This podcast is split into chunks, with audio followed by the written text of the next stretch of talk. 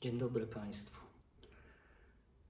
Kiedy w 1982 roku William Gibson opublikował swoje opowiadanie Neuromancer, e, chyba się nie spodziewał, że stworzył jedno z najbardziej niezwykłych pojęć naszej współczesnej cywilizacji tam się pierwszy raz pojawia pojęcie cyberspace, cyberprzestrzeń w takim kontekście mniej więcej jak to dzisiaj rozumiemy, czyli sieć komputerowa, systemy komputerowe połączone w sieci.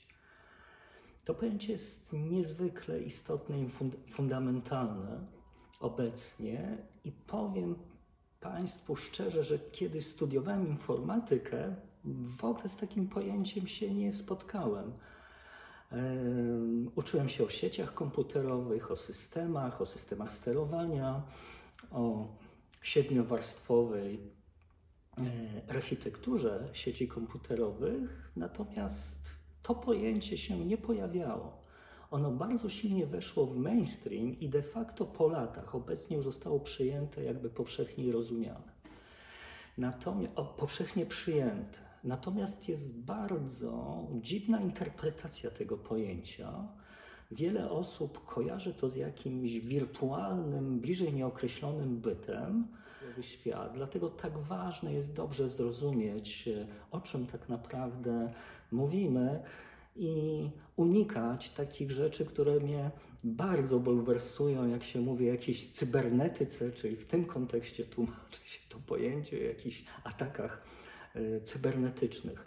Mm, tak więc zapraszam serdecznie na mój mini wykład tłumaczący, czym jest cyberprzestrzeń. Mm, dobrze, zatem czym jest e, cyberprzestrzeń?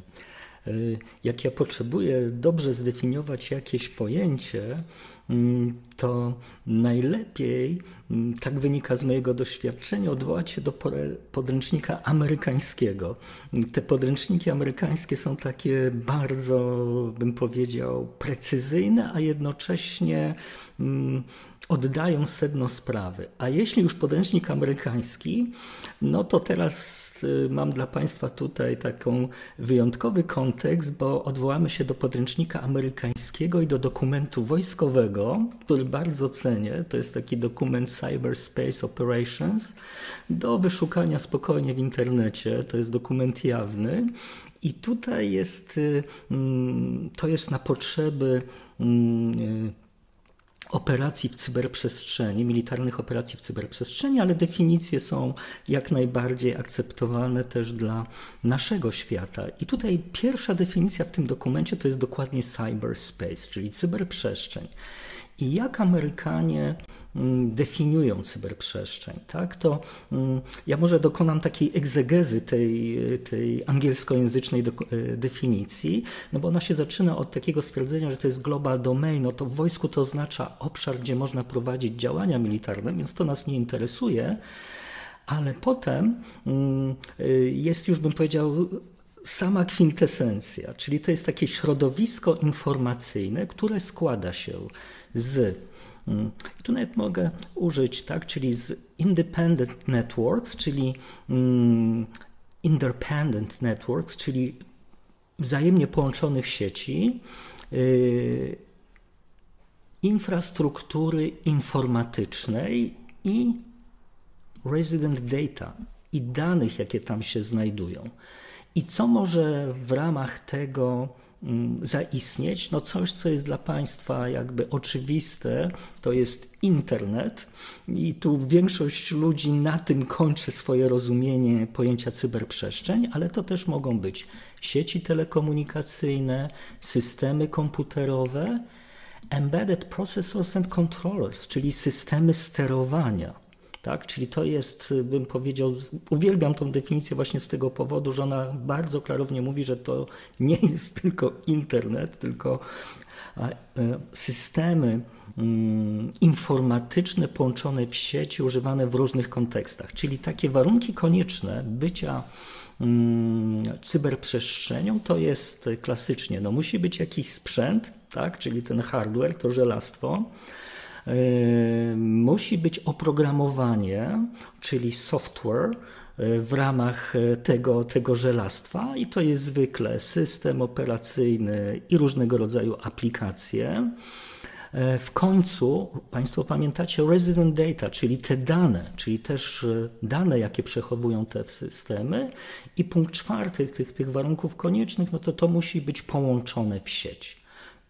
No i to, to, to jest taka definicja, którą e, jakby szanuję i uważam za bardzo, bardzo dobrą. No to zastanówmy się teraz, y, bo jak Państwo myślicie cyberprzestrzeń, to się głównie myśli w kontekście komputer podłączony do internetu, mm, czy też zdecydowanie częściej teraz smartfon, tak, który jest w jakiejś sieci mm, e, Wi-Fi, czyli jest podłączony w sieci, jest de facto takim no, małym komputerem, który nosimy e, w kieszeni. I to są jakby poprawna interpretacja, natomiast ja chciałem Państwu pokazać jakby pewną głębię tej definicji. Proszę się zastanowić nad takim przykładem. To jest e, smartwatch, tak? E, e, czyli zegarek, czy on należy do cyberprzestrzeni. Mm, pewno Państwo pomyśleli, no jeśli on nie ma karty SIM, załóżmy, że ten model nie ma karty SIM, no to no tak, jest tam jakiś program, jakieś, jakiś hardware, są jakieś dane rejestrowane tutaj w ramach tego zegarka, ale on nie jest podłączony do sieci, czyli nie spełnia definicji cyberprzestrzeni. Natomiast proszę zwrócić uwagę, że żeby taki zegarek poprawnie funkcjonował, powiedzmy akurat ten model to jest Apple Watch, to on e, jest synchronizowany z telefonem, tak, z iPhone'em.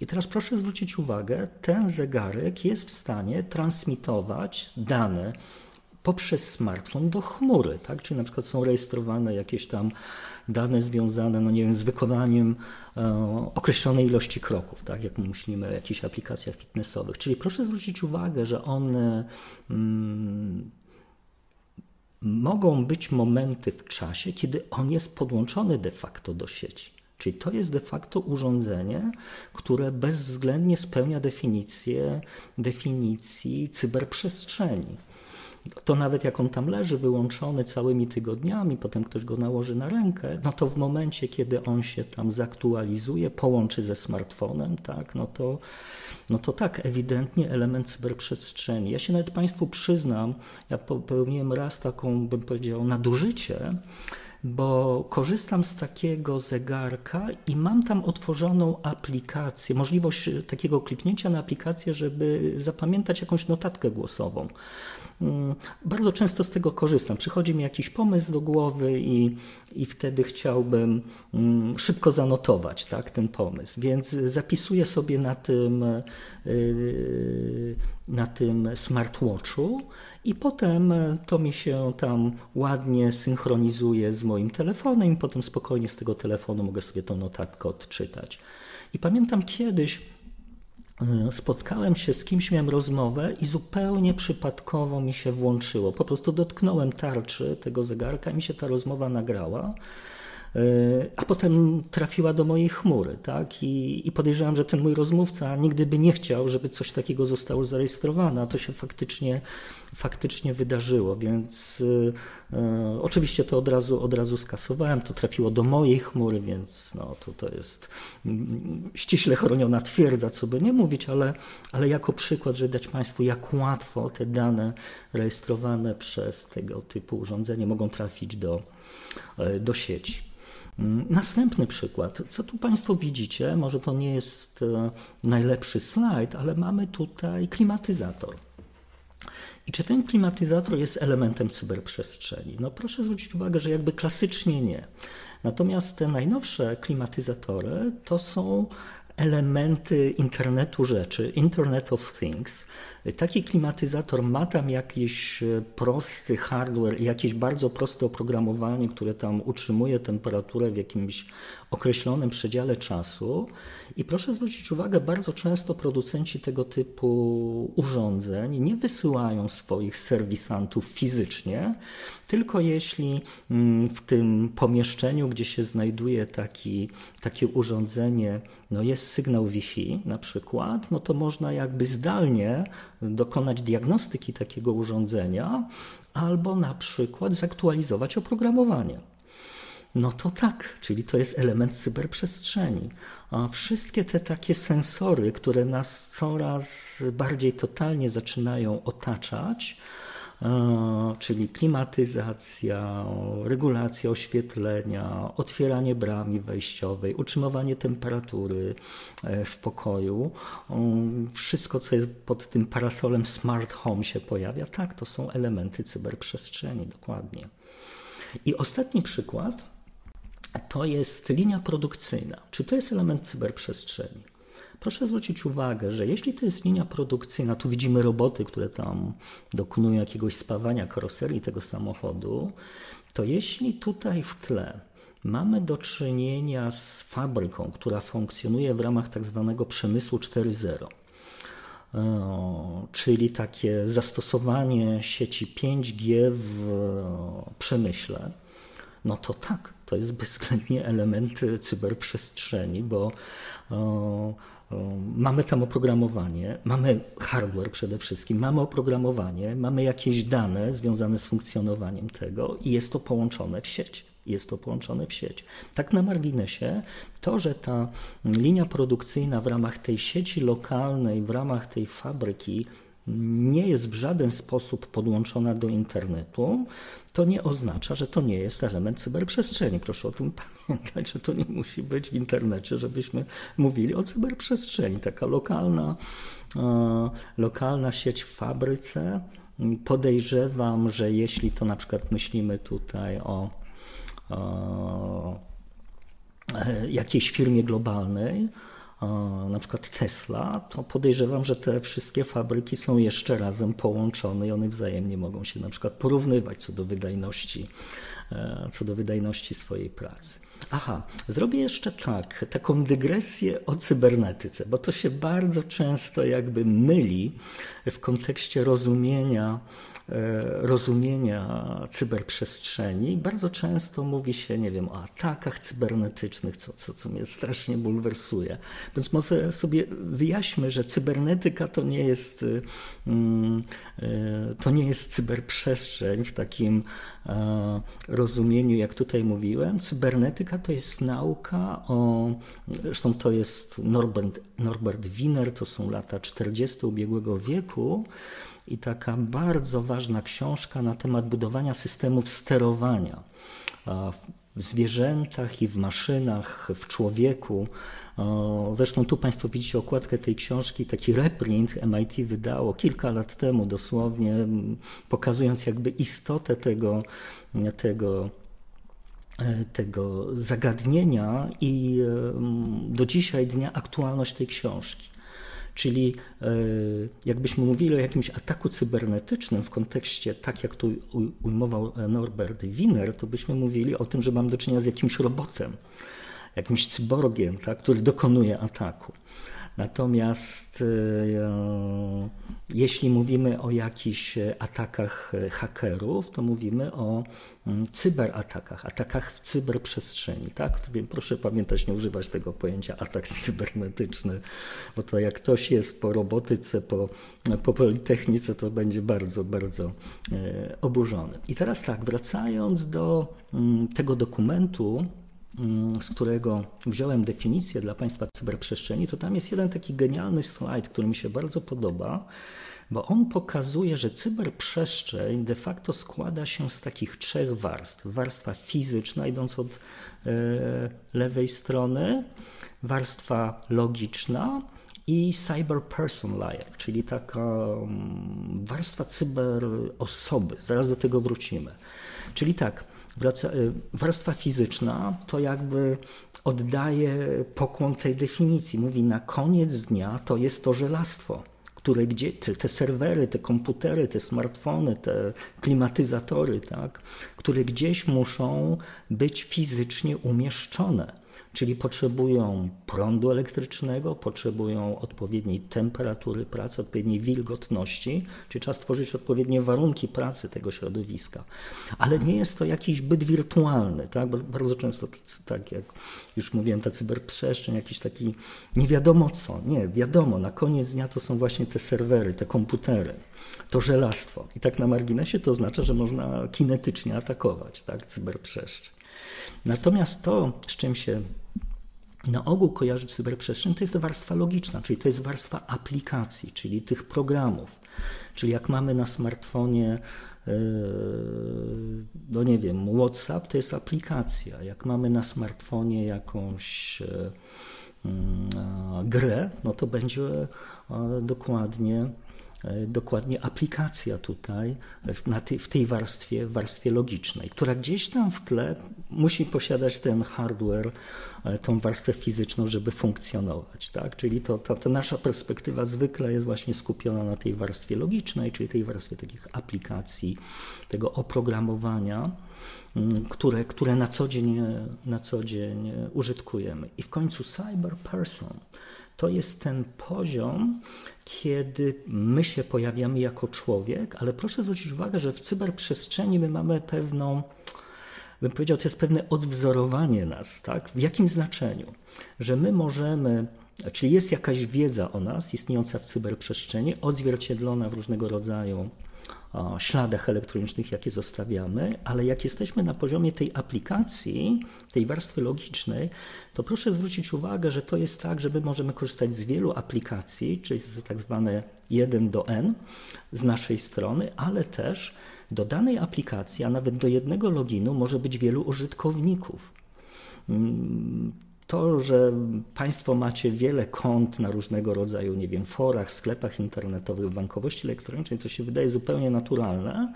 Natomiast to, że do jednego konta może być wiele użytkowników, to już niekoniecznie, tak? No to, to jakbym miał podać jakiś taki dobry przykład, no to Farmatroli, gdzie na, do jednego konta Twittera może być kilku, kilkunastu, kilkudziesięciu nawet operatorów, którzy się tam zmieniają i występują jako jedna, jedna osoba. Czyli tutaj to, to cyber person jest bardzo, bardzo złożonym zagadnieniem. To taka bym chciał odwzorowanie człowieka w cyberprzestrzeni, właśnie ta relacja N do M pomiędzy tą warstwą logiczną, tak? czyli ja jako pojedynczy użytkownik mogę korzystać z wielu aplikacji i dana aplikacja, a nawet dany login w ramach jakiegoś serwisu może mieć wielu, wielu użytkowników.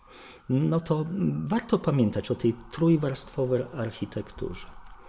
I w końcu, mm, jak już jestem w tym klimacie militarnym, ale bardzo lubię ten slajd, bo on pokazuje, że cyberprzestrzeń jest de facto takim bytem, który horyzontalnie przecina różne obszary naszego życia. Tutaj w tym przykładzie wojskowym to jest e, przestrzeń powietrzna, morska, lądowa, mm, kosmiczna. I proszę zwrócić uwagę, że ten cyberspace może, ta cyberprzestrzeń może w każdej z tych domen funkcjonować i de facto jest na dzień dzisiejszy niezbędnym elementem e, na polu, e, na polu walki, chyba że mam do czynienia z jakimś no, bardzo konwencjonalnym jakąś aktywnością. Czyli tu warto o tym pamiętać, że jest to takie horyzontalne przecięcie tej naszej sfery życia w różnych, e, w różnych obszarach. I to, co jest ciekawe, to tak jak trudno sobie wyobrazić, żeby nagle przestało istnieć, no nie wiem, powietrze, morza, lądy czy kosmos, no to cyberprzestrzeń faktycznie jest takim bytem, którym można sobie teoretycznie wyobrazić, że zostanie wyłączony lokalnie, a nawet potencjalnie globalnie jest możliwy taki, taki, taki scenariusz, jakieś takie lokalne Blackouty, tak, no to to są doskonale znane. To bym powiedział, wyłączenie prądu elektrycznego już de facto powoduje. Mm, chyba, że ktoś ma jakieś backupy, mm, e, tak, ale de facto to powoduje odcięcie od, od e, cyber, cyberprzestrzeni, więc ta horyzontalność i ta możliwość jakby o, mm, zatrzymania funkcji, istnienia cyberprzestrzeni jest jak najbardziej możliwym możliwym scenariuszem. I w końcu ostatnia rzecz, taka, taka dygresja, którą chciałem się podzielić, żeby faktycznie na to pojęcie trzeba spojrzeć dużo szerzej, jak tylko taka ściśle ta bardzo techniczna definicja cyberprzestrzeni z tą trójwarstwową architekturą. Bo mamy tutaj jeszcze takie dwa konteksty. To się pojawia, że ta cyberprzestrzeń łączy nam się jeszcze z takimi dwoma obszarami, które mają części wspólne. Jeden obszar to jest wykorzystanie cyberprzestrzeni do różnego rodzaju operacji informacyjnych.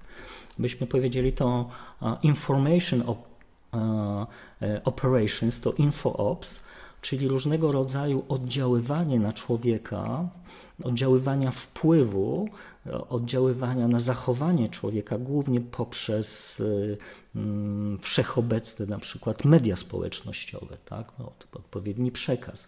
Czyli tutaj ta cyberprzestrzeń staje się takim medium do prowadzenia no, jakiejś aktywności informacyjnej, no daj Bóg, jak tak jest, ale też dezinformacyjnej w bardzo silnym aspekcie, więc to, to jest, bym powiedział, no, zupełnie osobny osobny temat i, i też człowieka cyberprzestrzeń. Bo proszę zwrócić uwagę, że w tym klasycznym podejściu to jest jakiś komputer z klawiaturą, prawda, czy smartfon z tym touchscreenem.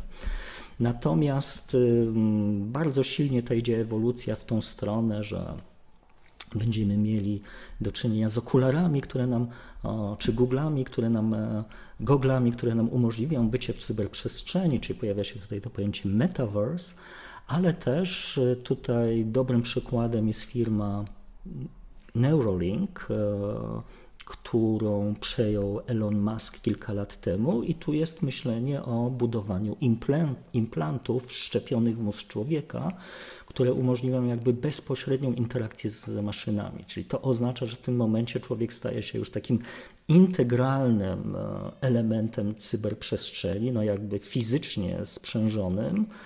I to pojęcie cyberperson nabiera tutaj jeszcze takiego dodatkowego, dodatkowego mm, kolorytu. No dobrze. Y, mam nadzieję, że Państwo się ze mną zgodzicie, że nie ma to jak y, amerykański podręcznik, y, żeby jakieś pojęcie zdefiniować i jest teraz pełna klarowność, czym jest cyberprzestrzeń. I dla mnie będzie wielka frajda, jak Państwo będziecie mm, śledzić Y, moje dalsze mini wykłady, bo bezwzględnie będę chciał jakby dotknąć takich y, trzech y, niezwykle istotnych aspektów związanych z naszym funkcjonowaniem w cyberprzestrzeni, czyli zagadnienie związane z naszą prywatnością, zagadnienie związane z naszym bezpieczeństwem, czy powiedzielibyśmy cyberbezpieczeństwem osobistym, i na koniec dnia coś, co chyba staje się coraz bardziej istotne. Czy jesteśmy w stanie normalnie funkcjonować, ograniczając naszą bytność w cyberprzestrzeni, nie będąc tak zdominowanym przez te usługi cyfrowe? Czyli coś, co bym nazwał cyfrowym minimalizmem. To, to są takie rzeczy, które leżą mi głęboko na sercu i mam nadzieję, że Państwo będziecie mieli frajdę oglądania moich e, mini wykładów na ten temat. Dziękuję pięknie.